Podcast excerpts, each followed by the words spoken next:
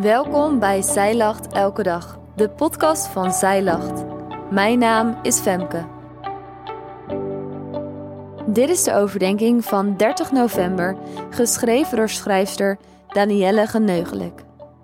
Stiekem beginnen we misschien alweer een beetje uit te kijken naar de kerst. De sfeer, kerstliedjes op de radio en de lampjes die je overal gezellig ziet schijnen. Hartstikke leuk natuurlijk, maar wij weten dat kerst daar niet alleen om draait, toch? Met kerst gedenken we dat Jezus, de Messias, naar de aarde kwam om ons te redden. Maar misschien vraag je wel eens af of hij ook echt voor jou kwam.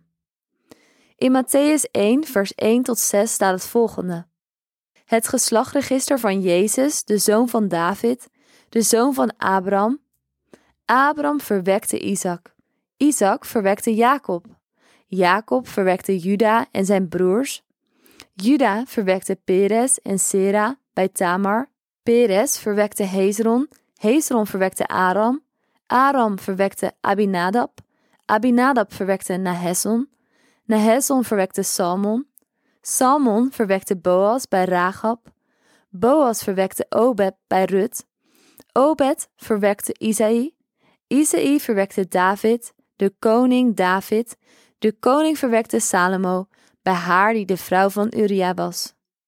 Eerlijk is eerlijk, velen van ons slaan de hoofdstukken waarin de geslachtregisters aan bod komen liever over. Soms deed ik dat ook, maar sinds ik de Bijbel vaker lees, meer verhalen ken en verbanden leer zien, leer ik ook inzien hoe interessant zo'n geslachtregister eigenlijk is.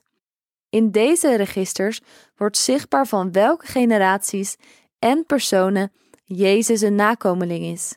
En als we echt geïnteresseerd deze lijst met namen lezen, zijn er een aantal die jou ook zeker zullen opvallen. Abraham, Isaac, Jacob, David. Belangrijke personen uit de Bijbel, met ieder hun eigen verhaal en eigen verleden. En toch zijn zij allemaal onderdeel van de Messiaanse bloedlijn. Opvallend in dit geslachtregister is dat er naast Jezus' moeder nog vier vrouwen genoemd worden: Tamar, Ragab, Rut en Batseba. Deze laatste wordt in vers 6 genoemd als die de vrouw van Uria was. Het was sowieso best ongebruikelijk om vrouwen in een Joods geslachtregister te vermelden. Maar wat hier extra mooi is, is dat de voornaamste vrouwen, zoals Sarah, Rebecca, Lea en Rachel, die een prominente rol hadden in de Joodse literatuur, helemaal niet genoemd worden. Dit Bijbelgedeelte noemt juist drie niet-Joodse vrouwen en één Hethiet. De vier vrouwen die hier genoemd worden hebben alles behalve een zuiver verleden.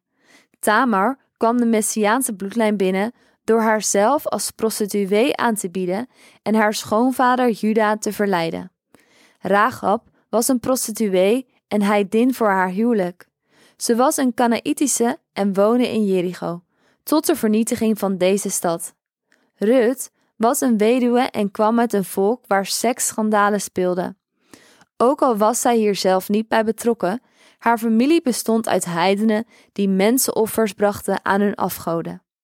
En als laatste Batseba, de vrouw van Uria, de Hethiet, die door David gehaald werd om met hem naar bed te gaan. Matthäus noemt dus deze vrouwen met een niet-Joodse achtergrond en een belast verleden. Dat is ontzettend bijzonder en heeft ook zeker een les voor ons. Met het expliciet noemen van niet-Joodse vrouwen wil Matthäus laten zien dat de verlossing van de Messias ook voor alle andere volken geldt. Ook voor mensen zonder een Joodse achtergrond, dus ook voor jou en voor mij. Daarnaast laten de achtergronden van de vrouwen zien dat God niet alleen de vrouwen gebruikt met een vooraanstaande status, maar juist de gebrokenen van hart en zondaars. Onthoud goed dat in Christus het oude voorbij is gegaan. Jezus neemt ons oude reputatie weg. Hij neemt jouw oude reputatie weg. Een belangrijke reden dat deze vrouwen genoemd worden, is om ons te blijven herinneren aan zijn overdadige en onverdiende genade. Voor een ieder die niet geliefd, maar geminacht is en er geen recht op heeft. Dus, Als jij twijfelt of Jezus ook voor jou naar deze aarde kwam, onthoud dan dit. God wil alle dingen laten meewerken ten goede voor hen die Hem liefhebben en volgens Zijn voornemen geroepen zijn. Zelfs, of misschien wel juist, voor prostituees, minnaressen, weduwen en jij en ik. Voordat je gaat, heb jij altijd al eens de hele Bijbel willen lezen, maar lijkt het een te grote opgave? Wij helpen je graag door het in 2024 samen te doen. Doe jij mee? Bestel nu de Zij Lach Bijbel in één jaar of download het gratis leesrooster.